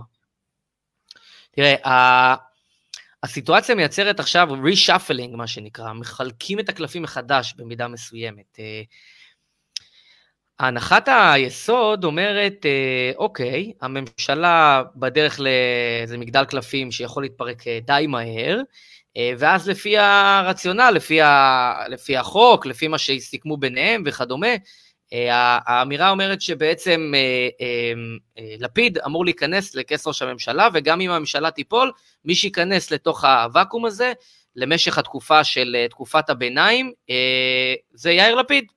למה בעצם? אה, אם הממשלה של בנט... זה ההסדר. אז זה ההסדר, אני מנסה להבין את ההיגיון מאחורי ההסדר, אני מקבל אותו, זה החוק, מה נעשה, זה מה שנחתם, נחתם, אבל תסביר לי את הרציונל, לא הבנתי את הרציונל. קודם כל יש פרצה בחוק, כפי שאני מבין אותה, וזה פרטים מהיום, אז אני עוד ככה זה, אבל אני רוצה לתת לך את הטייק לעניין הזה. אוקיי. האדם שהכי רוצה להיות ראש ממשלה אה, בעשורים האחרונים, זה בנימין, בנימין נתניהו כמובן, האדם שהכי רוצה להיות ראש, ראש ממשלה, אה, כרגע לא יכול להיות ראש ממשלה. צריך להגיד את זה, צריך שיקרו עוד כל מיני דברים כדי שהוא יהיה ראש ממשלה. בהחלט. והאדם שכביכול אמור להיכנס אה, לכס ראש הממשלה, אני לא רוצה להגיד לבית ראש הממשלה, כי אז הוא צריך לעשות כרגע רילוקיישן לרעננה, אבל, אבל האדם שאמור להיכנס לבית ראש הממשלה, לדעתי, לא רוצה להיכנס לכס ראש הממשלה, ולדעתי הוא גם יעשה שגיאה אסטרטגית אם הוא ייכנס לתפקיד ראש הממשלה. עכשיו, לפיד. למה? כי, כי בשלוש... לפיד, בוודאי, כי בשלושה חודשים שהוא יהיה ראש ממשלה, נגיד, אולי יותר, אנחנו קשה לדעת, אבל נגיד, לממשלת מעבר, בתקופה כזאת, בדינמיקה שבה אנחנו נמצאים, זה אירוע שיכול לשחוק אותו פוליטית, לפגוע במעמדו ולייצר לו יותר נזקים מתועלות. זהו, כי בשלושה חודשים אין יכולת להשיג הישג אמיתי, אתה לא יכול להזיז שום דבר, אתה לא יכול לקבל מהלך, אף אחד לא ייתן לך שום דבר, אין, אין לך את היכולת לייצר מהלכים, אבל יש כן יכולת להתמודד עם אירוע שאתה לא תכננת ולהיכשל בו כישלון קולוסלי. כשאתה אין לך משילות, כשאתה... כן. כשאין לך כנסת, אין לך ממשלה, אין לך כלום, אין לך כלום. כן. אין לך, אתה לא, אתה תהיה שם, אתה תהיה בדפיציט, לכתחילה אתה לא תוכל לעשות שום דבר. לכן אני, כולם אומרים, הנה, הקדמנו, ראיתי קודם איזשהו פוש שיצא שהנה, הקדמנו את הזה, ואיזה, מישהו כתב, הנה, עכשיו אה, לפיד ייכנס יותר מהר לכיסא ראש הממשלה, אה, אולי, אבל אני לא חושב שכרגע בסיטואציה הנוכחית נוח ללפיד להיכנס לכיסא ראש הממשלה. אממה, יש פה אתגר, כי ב, זה, זה או מצריך שינוי חקיקה, שכרגע לא בטוח למי נוח לשנות את החקיקה הזאת, כי אף אחד אה, במרכאות פוליטית לא יהיה אכפת לו שלפיד ייכנס ויכניס את הבור לעצמו, הרי מה הוא עשה עד עכשיו? הוא כל הזמן התרחק, נתן לבנט לספוג את כל האש והתרחק. הוא ייכנס לתוך הדבר, לקוראלס הזה, הוא מה שנקרא, יפנצ'רו לו את הגלגלים. אה, ולכן לא כל כך מהר. מצד שני, החוק אומר שאם מישהו מהגוש אה, של בנט מפיל את הממשלה, אוטומטית, אין פה בכלל שיקול דעת, אוטומטית לפיד נהיה ראש ממשלה. אני אתן לך סצנריו שהוא כרגע נראה דמיוני, בסדר? אבל מה קורה אם בני גנץ מפיל את הממשלה?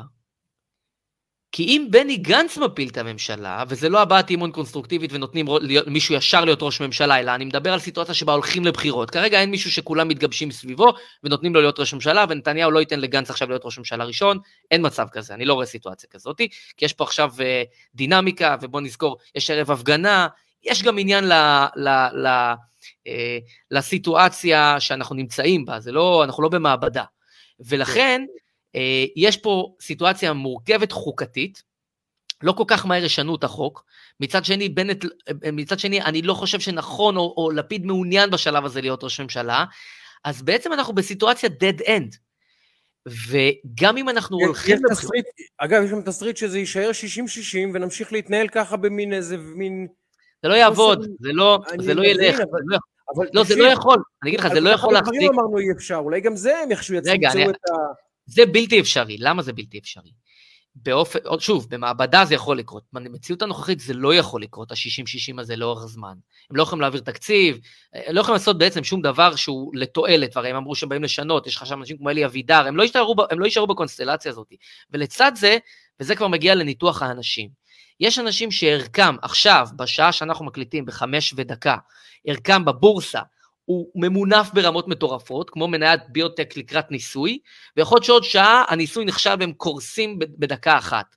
יש כרגע מרוץ מאחורי הקלעים ומסביב לשעה ולשעון, כלפי מי שייכנס הבא, או, או, או, או קבוצה שתיכנס הבאה. אה, כי מי שייכנס הבא יכול לקבל מפתחות משמעותיות. מי שייכנס לאחר מכן יכול להיות שערכו כבר אפס. עכשיו, ושים לב לעניין הבא שהוא דרמטי. כרגע, לפי הסקרים ולפי מה שאנחנו מרגישים ומבינים את הנקודה, ימינה לא עוברת את אחוז החסימה. אה, אה, אה, תקווה חדשה בספק רב אם היא עוברת את אחוז החסימה. ולכן האנשים האלה מבינים, לא רק האלה שעומדים בראש העניין, אלא בטח אנשים שדווקא לא עומדים בראש המפלגות האלה, שיש מצב שמחר, לא מחר, אבל מעבר לפינה, הם נמחקים. וכשבאלטרנטיבה היא להימחק או לעשות מהלך, ועכשיו, אחרי שכבר מישהו נכנס למים, לצאת מלך כאילו, אז הערך שלו גבוה, אבל יש גם עניין, יש לזה תו תקן וזמן.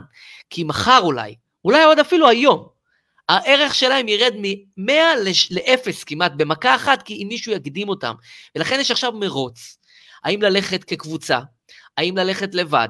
האם לנסות לעשות מהלך ו- ולייצר סיטואציה שבה לא נתניהו עומד בגוש? יש פה עכשיו כמה וכמה בחישות משמעותיות, כולל ניסיונות מול החרדים, שלדעתי לא יזוזו כרגע.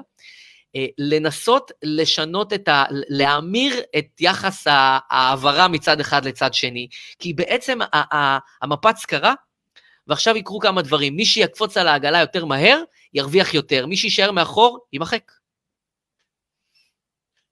עכשיו, תראה, מצד אחד, אגב, שמעתי עוד תסריט, שהם פונים למשותפת, ואומרים למשותפת, עזוב, בוא, שתלך סילמן. שילך גם אורבך אם בא לו לפרוש, והבנתי שגם אביר קארה אה, מתנדנד מה שנקרא. שילכו כולם.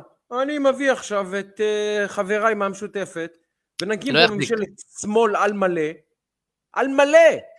אבל זה לא יכול להחזיק, אין להם, אין להם את המספרים, כי ברגע שזה יקרה, א', אתה עוד מקטב עוד יותר את העמדות, וזה לא יכול להחזיק מעמד. אם דיברת קודם על מה, על מה תוקע את הדברים, אז זה עוד יותר יתקע את הדברים.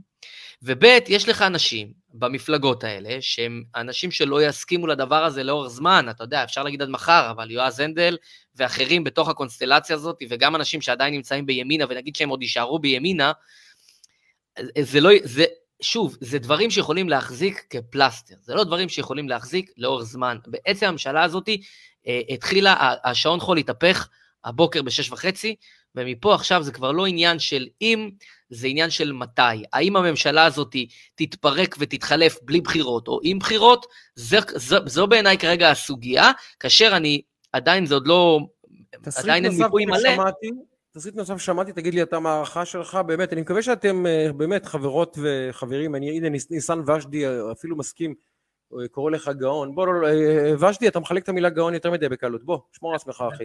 יש, יש מספיק גאונות לחלק לכולם, במקרה נפלת על שטראוכלר שזה נכון, אבל לא משנה. שמעתי תסריט שגנץ חובר עכשיו לחרדים, מביא את הליברמנים, את הסערים, את המרב מיכאלי, את ההורוויצים, את המנסור עבאסים והחרדים, ואז אומר לליכוד, או שתבואו איתי ונעשה ממשלת אחדות גדולה בראשותי, ניתן לנתניהו תפקיד, שר החוץ, שר הביטחון, whatever, לא משנה מה, ואני אקים ממשלה, שלום על ישראל, נשרוד את, נשרוד את השלוש שנים האלה רק כדי לשמור על יציבות לישראל, נתניהו יהיה מעורב בהנהגת המדינה והוא לא יהיה ראש ממשלה כי זה לא, מה שנקרא, לא נאה כאילו, כי הוא עכשיו במשפט, וכולם שמחים. מה התחלת התסריט הזה? זה תסריט שגם קראתי לא, היום. א', זה לא תסריט שלא יכול לקרות, אוקיי? אבל כן. ברשימת התרחישים אני לא חושב שזה התרחיש הסביר. כי יש פה כוחות משמעותיים. זאת אומרת, יש פה כוחות שהם יותר חזקים מה... אני אתן לך עוד משהו גם בדינמיקה. האקלקטיות הזאת הוכיחה שהיא לא עובדת. כן. ו- ואני חושב שיש פה כמה תובנות משמעותיות ש- אה, שהעולם הפוליטי, אני לא מדבר ברמת ערכים, אני מדבר ברמת פוליטיקה כרגע, ברמת הבנת המשחק והשובע ממהלכים מסוימים. דיברנו על זה בעבר, שאני חושב שהאי הצלחה של, אי הצלחת הקמת הממשלה של נתניהו נבע בין היתר כי הוא ניסה לעשות דברים דומים למה שהוא עשה קודם, וכבר למדו את, ה, את, ה, את, ה, את המתודה. המתודה הזאת של האקלקטיות יכול להיות, הלוואי, אני ממש מקווה, שהיא פסה מהעולם. יש הבדל, ואנחנו יודעים את זה, בין, נקרא לזה בגס, ממשלת אחדות, לבין ממשלה אקלקטית ברמה כזאת. יש תרחיש שבו הליכוד כממשל, כ, כמפלגה הגדולה ביותר, מפלגת העם, יושבת עם אדם כמו בני גנץ ועם החרדים, אה, ועם עוד מפלגה או שתיים בתוך הסיטואציה. שר, ליברמן, עבודה, מרץ, ווטאבר. ליברמן מחוץ למשחק. ליברמן מחוץ, ליברמן והליכוד, כל עוד נתניהו. תכף נדבר על ליברמן, אני רוצה להקדיש לו, אני רוצה איתך לחשוב על ליברמן וגם על גדעון סער. זה שני שחקנים שמעניין מאוד מאוד איך הם מגיבים עם עצמם ועם העתיד הפוליטי שלהם להתרחשות הזאת, אבל תכף נדבר על זה, כן. אגב, ויש עוד מישהו אחד שצריך לדבר עליו, ודיברתי עליו קודם בקטנה, כי הרבה, פעמים אנחנו נוטים לדבר על אנשים מסוימים, אבל לא אנחנו פה, אלא באופן כללי בציבוריות הישראלית, ולא מדברים על דברים אחרים שההשפעה שלהם היא לא פחות דרמטית. אה, דיברת על גדעון סער, אבל זאב אלקין הוא כרגע אירוע דרמטי. Mm-hmm. כי, כי, כי אלקין הוא המוח הפוליטי, והיה המוח הפוליטי מאחורי חלק, מה, חלק מהפעולות ובעצם מעצם הקמת הממשלה הזאת. אוקיי? אם אלקין לא שמה, לא בטוח שהממשלה הזאת קמה. עד כדי כך, בעיניי. אמ, ואני חושב שהמהלכים הבאים שלו, ואני חושב שיש גם אצלו, במקרה שלו, כמו אגב אצל איילת שקד, יש תקנה ויש תיקון, כמו שעידית סילמן עשתה עכשיו, יש תקנה ויש תיקון, בשונה אגב מבנט להערכתי, שוב, never say never במפה הפוליטית, אבל כפי שנראה וכפי שהדברים עומדים כרגע ובטווח הנראה לעין, אלקין יכול לחולל מהלך. אלקין יכול לחולל מהלך, ויכול לסחוב איתו עוד אנשים, וזה יכול לשנות את התמונה, ולכן כשאתה מדבר על uh, גדעון סער, אתה מאוד צריך להזכיר גם את אלקין בתמונה הזאת. ויש פה עוד שחקנית, זאת איילת שקד. ואיילת שקד בסיטואציה שאם דיברת על, על, על, אה, על קונה את עולמו בשעה ו, ו, ואת הנושא של עידית סילמן, אה, מעבר שלה, מהלך שלה, אה, ש, שיעבור בעצם אה, לליכוד בקונסטלציה כזאת או אחרת, לא, לא ניכנס כרגע לטכניקה, כן שריון, לא שריון, כן מבחוץ, כן מבטיח, לא משנה כרגע, נורא, לא משנה איך, מעבר שלה יעשה שני דברים. אחד, יגמור את האירוע הזה באופן נחרץ, אה, ושתיים, יכול לייצר פה דינמיקה שהיא מאוד מעניינת, וגם לה, אני חושב, עם כל הכעסים וכל העניינים וכל הזה, יש תקנה, בשונה שוב מבנט במובן הזה, ולכן שני השחקנים האלה, אה, אה, איילת שקד וזאב אלקין הם שחקנים דרמטיים במשחק כרגע, ולצד זה, ליברמן אני חושב שהוא היום נמצא ב... אולי אפשר להגיד בשוקת שבורה, כי תראה, הוא לקח את זה, מה שנקרא, כולם לקחו את זה אישית, הוא ממש לקח את זה אישית. זאת אומרת, מבחינתו זה היה אה, עד הקצה, כאילו, עם האירוע הזה של אה, נתניהו, אה, ועם האירוע הזה של נתניהו החוצה, והוא גם ראה את הסיטואציה שנתניהו גומר את חייו הפוליטיים, והאירוע השתנה דרמטית ביממה האחרונה, וליברמן זה לא שחקן שיחבור לאף גוש שהליכוד יהיה בו כל עוד נתניהו נמצא שם, כי יש שם עניינים אישיים, זה כמו לצורך העניין בוגי יעלון, אדם שלעולם לא יעמוד לצד נתניהו, כי יש שם דברים אחרים, אבל גם אישיים, ולכן יש שחקנים שאתה צריך להוציא אותם מהמשחק, רגע, גם רם. בוא כן? נפתח סוגריים. רם לדעתי סיימו את דרכם ההיסטורית בממשלה. לא בטוח. לא, אה, לא, לא, אוקיי. לדעתי. בכנסת הזאת הם לא ישבו בממשלה יותר, לדעתי. יש פה גם, אגב, סוגיה פנים-ערבית בין המשותפת לבין רע"מ, שההתנהלות כן, של השבועות כן. הקרובים תהיה להם אש דרמטי לעתיד. אגב, נקדיש אולי פרק, אה, אולי בפוד הבא, להזדמנות ההיסטורית שרע"מ פספסו.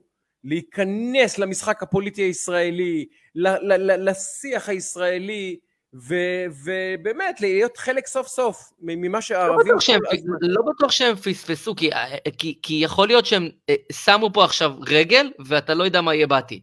בסדר, אוקיי, אתה יודע מה, אני מקבל אותך. אני לדעתי, אבל מה שהם, את ה... אה, או תהליך ההכשרה שהכשיר אותם בנט, לדעתי הם, הם בזבזו. אבל בסדר, עוד ימים יגידו, לדעתי פסיכולוגית יהיה מאוד קשה, בטח לממשלה שהמחנה הלאומי מוביל, אחרי מה שנאמר ונעשה מול רע"מ, קשה לראות ממשלה של המחנה הלאומי חוברת לרע"מ. אז לדעתי רע"מ סיימה את דרכה, כי האופציה היחידה שיש לה לפחות בשנים הנראות לעין לדעתי זה לחבור לממשלות שמאל או ממשלות כאלה, מין כל מיני גועליציות אני אגיד כאלה. לך, אני, אנקדוטה, כן. אני לא בטוח, אני אגיד לך למה, כי אנחנו מסתכלים על חבירה כמשהו אינהרנטי, חלק מהממשלה, אה, ו- וכמו שאנחנו רואים את זה עכשיו, שרע"מ נותנים את הטון ממש בממשלה, והם שחקן דומיננטי.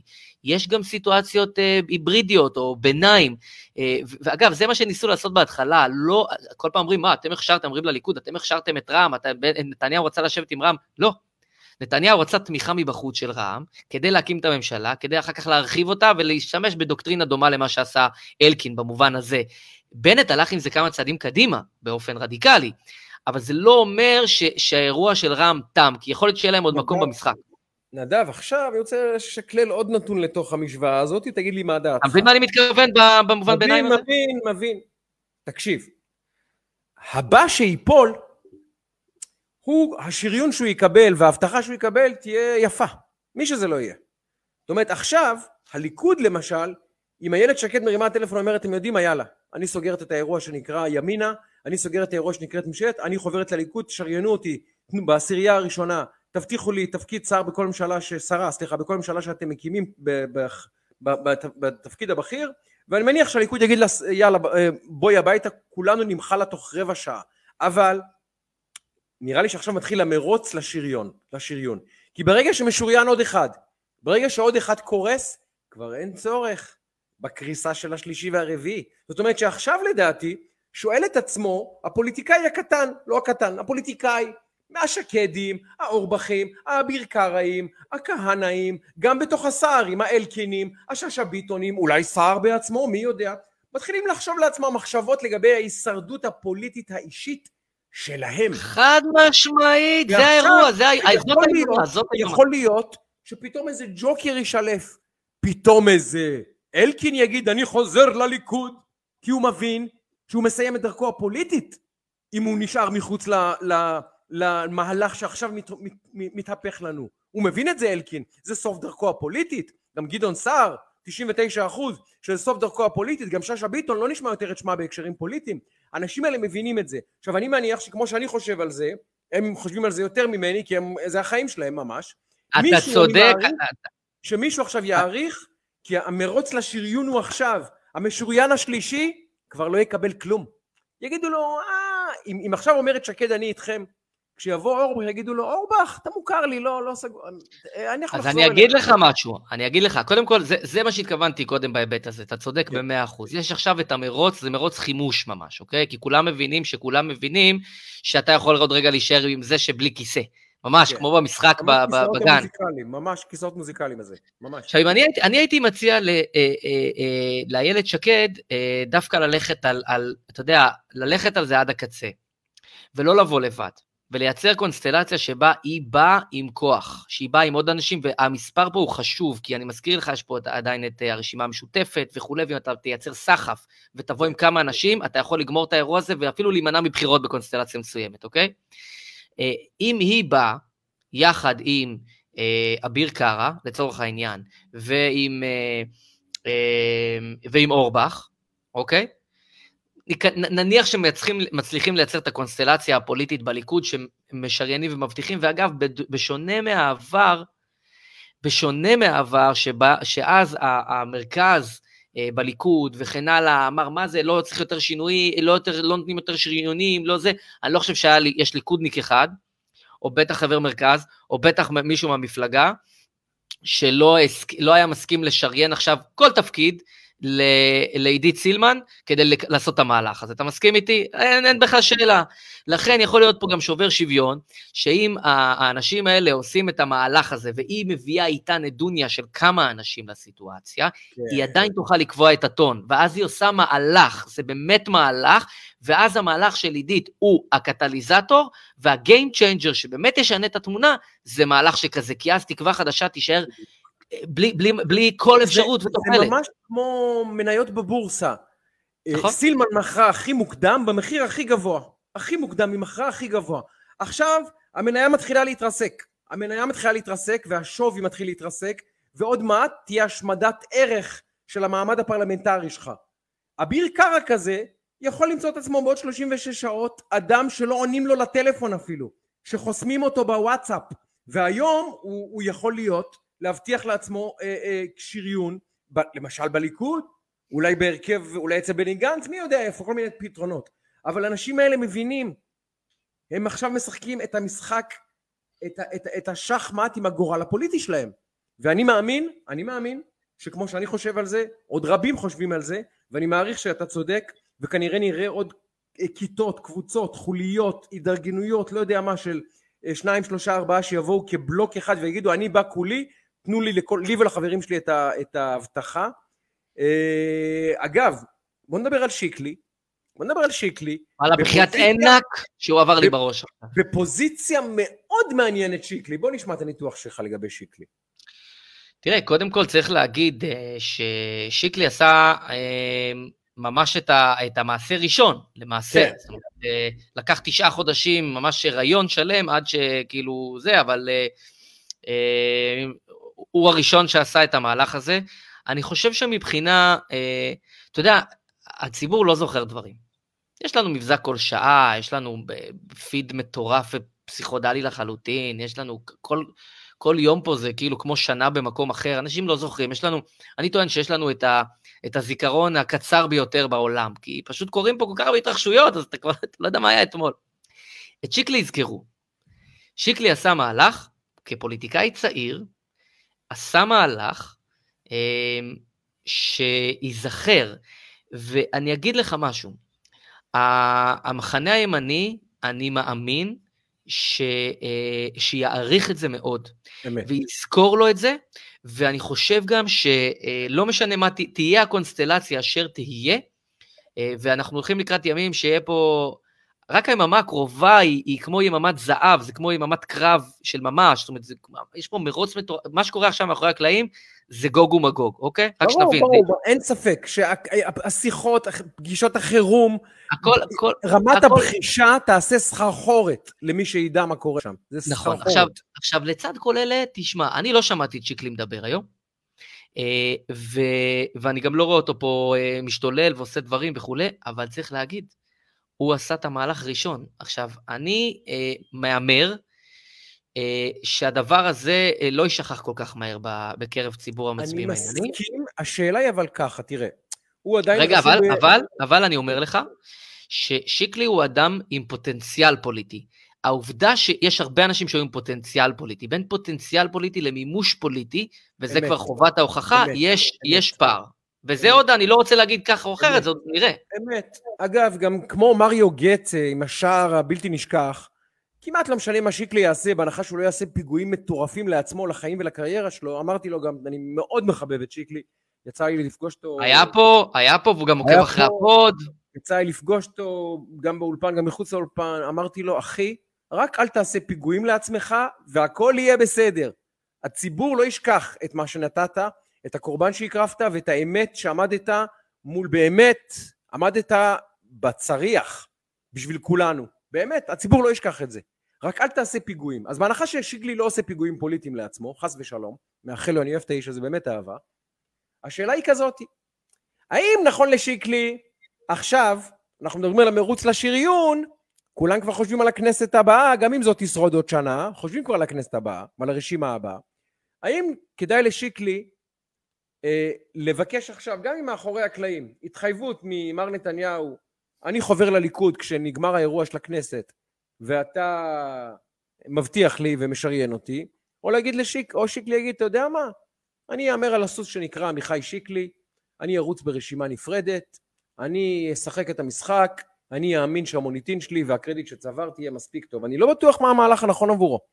אין ספק שהוא וימינה זה נגמר. או אגב, יש תסריט נוסף, שבנט עוזב את ימינה ומהחיים הפוליטיים, תסריט שאני לא מוציא בחשבון, בנט פורש מהחיים הפוליטיים אחרי הפארסה הזאתי, ואז איילת שקד אומרת, אוקיי, אני ימינה, כל מי שימין אמיתי איתי, שיקלי, היא תגייס את שיקלי, תגייס מי, מי שזה לא יהיה, תייצר איזה בלוק ימני שהיא מכריזה עליו כימין החדש באמת, לא הימין החדש הקודם, הימין החדש באמת, ואז יש לנו גם ימין החדשה בלי בנט. אם בנט יוצא מהמשוואה, אין ספק שהדברים משתנים גם עבור, אה, גם עבור שקד, גם עבור בי שיקלי, גם עבור כולם. אז אני, דווקא אני, מאוד מעניין אותי פוליטית לראות איזה מהלך יבצע שיקלי, אני לא יודע מי, מי מייעץ לו, אבל אני מרים טלפון, אני ממליץ לו להרים טלפון לנדב שטראוכלר, ולנהל איתו שיחה. נדמה שהוא ישמע כמה דברים מעניינים. קודם כל. אני אוהב, קודם כל אני אוהב את האיש, אז... אה, ו... וברור שבאהבה רבה, ובטוח עוד נדבר הרבה פעמים, והוא גם בטוח יבוא לפה אז אה, יהיה לנו פה עוד מספיק שיחות לעשות איתו. אני חושב שעוד מוקדם מדי קצת, מבחינתו גם לקבל החלטות. אנחנו עדיין בשוך הקרבות, אז אני עוד לא הייתי מקבל החלטות. אה, תסתכל גם על המטבע מהצד השני, אני חושב ששיקלי, אה, הסתכלת על האינטרס של שיקלי מול הליכוד, תסתכל גם על האינטרס של הליכוד מול שיקלי. אמת? אין, הרבה, אין הרבה אנשים היום אה, שיש להם ערך אלקטורלי, ראינו את גלית דיסטל שנכנסה ונכנסה בסערה, ואני חושב שיש פריימריז מחר בבוקר, היא קיצרה כברת דרך שאנשים לוקח להם שנים רבות, היא עשתה בתקופה רגע, קצרה. וגם, אבל בוא נזכור, אני- אני- תמשיך, אל תפסיק, רק פותח פה סוגריים, בוא נזכור שהליכוד קרוב לוודאי בבחירות הבאות, יהיה עם 30 ו... שניים, שלושה, ארבעה, כנראה. תשמע, כנראה. זה, אז זה יש קשה. יותר, יש יותר ג'וק, יש יותר אה, קלפים לתת בחבילה. אתה, אתה צודק, אתה צודק, אבל... אם, אה, אם עכשיו באים, אל, אם באים עכשיו לשיקלי, אומרים לו שיקלי, לא שיקלי, סתם שם, לא משנה מי. אביר קארה כזה. קח 27, אביר קארה 27, ריאלי לי, אני חותם. לא, זה בוודאי, זה בוודאי. אני חושב שלא, אני חושב שלא המקום כל כך חשוב כמו התפקיד, אבל, אבל אנחנו עוד לא בחלוקת שלל, מה שנקרא. אני חושב ששיקלי, קודם כל נסכם בזה שהוא מוערך וזה ייזכר. הדבר השני זה שהוא צריך לכלכל את צעדיו בתבונה. שלוש, לא הייתי מקבל החלטות מבחינתו כרגע, בטח שלא עכשיו. וארבע, צריך לזכור על הדואליות, כי גם לליכוד יש אינטרסים עם שיקלי ולא רק להפך. תחשוב שמפלגה שלא עוברת, נניח שהוא רץ לבד, נניח שהוא מייצר לו A-team כזה, whatever, מפלגה שלא עוברת את אחוז החסימה זה דבר מסוכן, אה, בטח לגוש הימין, בטח בסיטואציה כל כך שברירית. אה, לצד זה זה דינמיקה, כי לפעמים פתאום דברים מתחברים, אתה יודע, לפעמים, אתה יודע, זה כמו קבוצה שרצה לאליפות, אתה יודע, כזה, אה, מי זה היה שם? לא אברטון. אה, אתה יודע, שפתאום רצה, כאילו... אה, אה, לסטר שלקחה את האליפות פתאום. לסטר, פתאום לסטר, אתה יודע, לסטר, פתאום, איזה כן. קבוצה, קריית שמונה, פתאום מישהו רץ ויש דינמיקה, אז אנחנו עכשיו עוד מוקדם, בטח ביממה הזאתי, לתת לו המלצות מה לקבל החלטות בקצה. אבל אין ספק שהוא המיר את הערך האלקטורלי שלו באופן דרמטי. אה, תראה, אנחנו עכשיו הולכים לקראת כמה ימים, קודם כל אנחנו ביממת זהב, יש בעולם המשברים משהו שנקרא יממת זהב, משהו שאתה לא עשית ב-24, 12 שעות אה, ספציפיות, הערך של זה מתאדה, ממש. אה, ודיברנו על המרוץ שקורה מסביב, אז כרגע בחדרים מסוימים נבחנות כמה וכמה קונסטלציות וכמה וכמה אפשרויות. אני מעריך שאנחנו נהיה יותר חכמים בשעות הקרובות, ולכן מי שצופה בנו עכשיו אז קיבל את העדכני ביותר, או מאזין, או מאזינה. מי שיתפוס אותנו ככה בהמשך ובסוף השבוע, אז יכול להיות שאנחנו כבר נהיה בנקודה יותר מתקדמת בתהליך, כך או אחרת. יש עדיין כמה אה, טקטים שצריכים לקרות, כמה מהלכים שצריכים עדיין לקרות, כדי שנגיע לנקודת הכרעה, שלא נחשוב שהאירוע הזה יסתיים היום, כי הוא רק התחיל היום. זה, זאת, זאת, זאת, זאת האמירה שלי גם ל... נכנסים עכשיו, תקשיב, עכשיו, מה, מה מרתק, ואנחנו נסכם עכשיו כי הזמן שלנו הסתיים, מה מרתק? שבמקביל לכאוס הפוליטי שאנחנו עכשיו ניכנס אליו, חודשיים שלושה לפחות, יהיה פה חגיגות, שאלוהים יעזור לכולנו, באמת.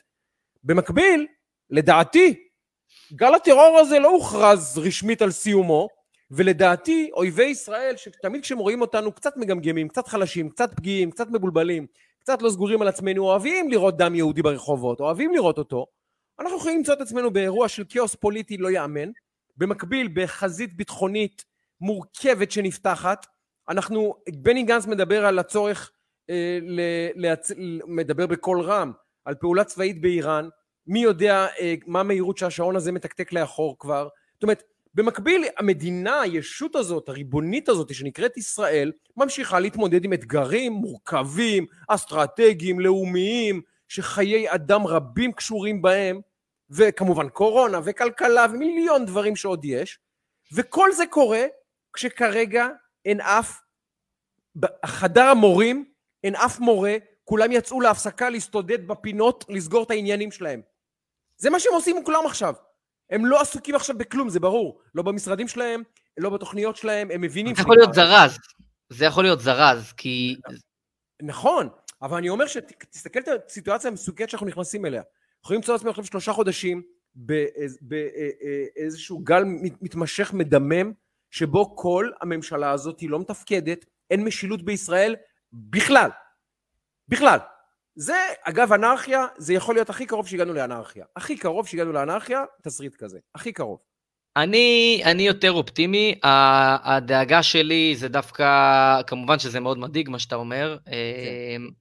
הדאגה שלי יותר מה, מהזווית האיראנית, ששם קורים דברים, אתה צריך להבין שגם הממשל האמריקאי קם לפני שעתיים, פלוס מינוס, וער לאירוע הזה ומתחיל להבין רגע מה המשמעות. וגם זה משחק תפקיד. גם, ה, גם הפרקליטות קמה הבוקר והסתכלה רגע על העניין הזה, וזה גם משפיע גם על הנושא המשפטי. האירוע הזה יש לו אדוות מאוד משמעותיות גם מחוץ למערכת הפוליטית שלנו, ו, ובימים הקרובים אנחנו נבין גם יותר ויותר את המשמעות של זה, כי זה גם מהלך חשוב. אבל אה, תשמע, הולך להיות לנו מסקרן. אני רוצה שלושה הימורים לתת לך. כן. אוקיי? תן לי. לא לפי סדר חשיבות. אחד, ביתר, ביתר נשארת בליגה. אוקיי? הימורים. שניים, בח... בליל הסדר הבא, נתניהו ראש ממשלה כבר. אוקיי? שנה מהיום, שנה ושבוע. נתניהו ראש ממשלה. שלוש, אה, מבין הארבעה חמישה שחקנים המרכזיים שאנחנו מדברים עליהם היום, סער, ליברמן, בנט, אה, ש, אה, שקד, פספסתי מישהו גדול? אני מעריך שלפחות שלושה או ארבעה לא יהיו בחיים הפוליטיים. הערכה שלי. זהו. אוקיי, זה שלושה הימורים שלי. אוקיי. אה, תראה, אם אני צריך להמר, הסיפור המרכזי, ו- וזה היה קצת נחבא אל ה... זה היה, אבל לא, לא חושב שהבינו את המשמעות של הדבר הזה, זה שאנחנו הלכנו עכשיו בתהליך, בתשעה חודשים האחרונים. הלכנו בתהליך שמי שהוביל אותו היה יאיר לפיד. התהליך הזה, למי שמחזיק בעמדות ימניות ובעמדות שנגד אה, מסירת שטחים ו... ועוד הרבה מאוד דברים שקשור לעמדות ימניות או שמרניות או כל אחד בעמדותיו, אה, הדברים האלה אה, היו ועוד, ועודם אה, נמצאים ב... בסכנה. אני חושב שהתהליך הזה קיבל טוויסט מאוד משמעותי ביממה האחרונה. אני חושב שהכיוון הזה אה, נבלם. אה, שלחו לי איזה משהו נחמד ש, ש, אה, של הרבי מלוב- מלובביץ' שרץ, אה, מסתובב היום, אה, אני אשלח לך את זה אחר כך, יש היום כנס, אמור להיות 30 אלף איש בטדי, גם אירוע של חב"ד, אז אתה יודע, דברים לפעמים מתכנסים. אז אני אמרתי בשלב יותר מוקדם שהעסק הזה, לכל מי ששאל אותי, ילך ויסלים בכל החזיתות. לצערנו ראינו את גל הטרור ואנחנו רואים עוד דברים אחרים, הולך ומסלים, אבל זה ילך ויסלים כדי שאחר כך יהיה טוב יותר. ואם האירוע הזה אה, והכיוון שהממשלה הזו הלכה אליה אה, יקבל טוויסט רגע לפני שדברים עוד יותר דרמטיים היו או צפויים היו לקרות, אז אני חושב שבעזרת השם, מה שנקרא, אה, הפור הזה מתהפך ואנחנו נצא בני חורין בנקודה הזאתי. ושוב, אני לא אומר שהכל שחור ושהכל בממשלה ובממשלה הבאה שהכל יהיה מדהים, אתגרים היו ותמיד יהיו. השאלה היא לאן אתה כקטר מוביל את התהליך, והיה פה אה, בתשעה אני- חודשים על אירוע שלא הובל על ידי אף אחד, ואם מישהו כן הוביל את זה, אני חושב שזה האדם, אני מדבר על יאיר לפיד, אני חושב שזה האדם אגב, הלא מתאים להוביל את הדבר הזה. זה ו- ואם, זה. יימנע, ואם- זה ייעצר, ואם זה יימנע, ואם זה ייחסך מאיתנו עתידית, ואני לא, אין לי, אין לי משהו ברמה האישית נגד יאיר לפיד, אני מדבר ברמה האידיאולוגית. אם, אם הדבר הזה יימנע וייעצר, ואנחנו נקבל פה טוויסט בעלילה לכיוון אחר, אז וואלה, חסדי השם. אני רוצה לסיים בבדיחה. תן אותה, לדעתי היא תצחיק אותך. תן אותה, ואני תכף חייב אחרי- לקפוץ. על אני חייב לקפוץ, אז אנחנו נסכום, נסכום על, תכף. על הבדיחה האחראית, עורכת אתר הדעות של עיתון הארץ. אה, של אתר הארץ, סליחה. ענת קם, הזכורה לטוב או לרע, כל אחד אה, יגיד איך הוא זוכר נהדר. אותה, אני לא רוצה להכניס אף אחד מן הפה. היא מצייצת כך, לפני שלוש שעות. Explain it to me like I'm a four year old. תזכיר לי, ככה אומרת, שים לב. סילמן כותבת, עכשיו היא מהדהדת, שיח שאני רואה בהרבה פוסטים, אבל לא, מעולם, זה, זה בול בפוני, זה הבדיחה, שים לב, זה מגיע בדיחה טובה. סילמן אומרת ענת קם, לא נבחרה אישית לכנסת. יש לה אחד מששת המנדטים שקיבלה רשימת ימינה. מה מאפשר לה לקחת מנדט שהיא לא קיבלה אישית ולהעביר אותו צד, אם לא נאה לה בקואליציה, שתתפטר מהכנסת ותתמודד בפריימריז בליכוד? אבל איך אפשר להשתמש בנכס שאינו באמת שלך כדי להטות את השלטון? הם כותבים את זה ברצינות. זה מה שיפה. ולדעתי, מי שלא הבין את הבדיחה, כבר לא מבין שום דבר מה שקרה פה בשנה האחרונה. מי שלא הבין ושל- את הבדיחה הזאת, לא הבין בדיחה. ושלח לי ממש ברגעים האלה אה, חברנו יאיר לוי, ששלח לי שהוא נמצא ב... יאיר לוי הגדול. נמצא בבית חולים, והוא שלח לי אה, צילום מסך שהוא צופה בנו בב- בבית חולים. אז זה מרגש מאוד, הוא כתב לי, אני אתן את זה ממש בקטנה, אה, מכתב של עורכת הדין עירית רוזנבלום, מייסדת ארגון משפחה חדשה לשמוליק סילמן.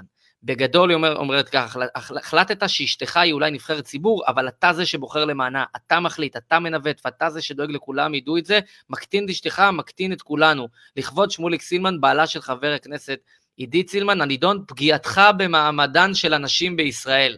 גדול. אגב, אי אפשר- לכתוב את זה. אגב, ואני חייב לציין בנקודה הזאתי, ש- שאנחנו דיברנו פה לא אחת על עידית, ואמרתי גם בגילוי נאות שאני מכיר את עידית ואת שמוליק איזה 25 שנה בטח, אה, ו- וזה אחד הדברים המצחיקים שראיתי, אפרופו בדיחה.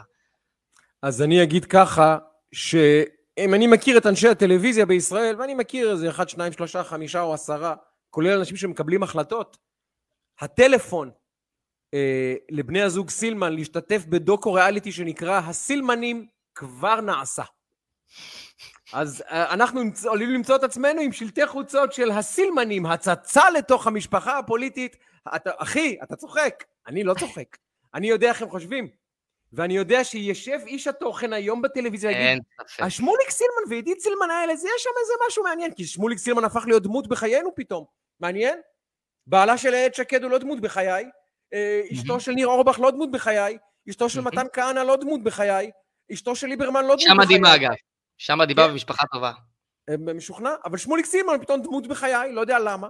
ואני אומר לך, זה ייגמר בדוקו ריאליטי בהוט. כן, כן, כן, כן. זה הולך לשם, אין, אה, הטרלול הזה הרי זה רק יסלים.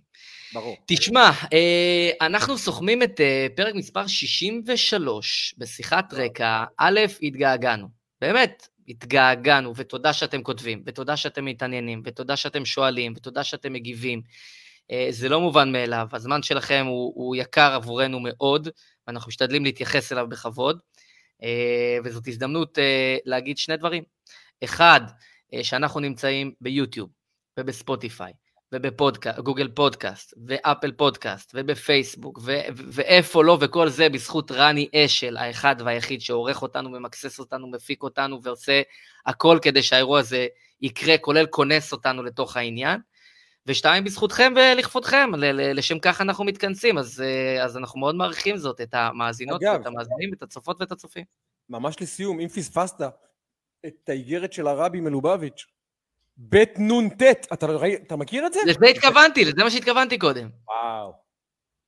אז אה, אל תהיו מאמינים, אל תעבדו את השם, הכל בסדר. אבל אם הכל צירופי מקרים בעיניכם, אז סבבה. סבבה. אין לי, זה מה שיש לי לומר על זה. אם הכל ביניכם צירופי מקרים, תהיו בריאים. הכל. סבבה, אנחנו בסבבה והכל בכיף. שייקה, אז אה, אה. מה נאמר, מה נאמר ומה נגיד? אנחנו. נגיד שא', בעזרת השם,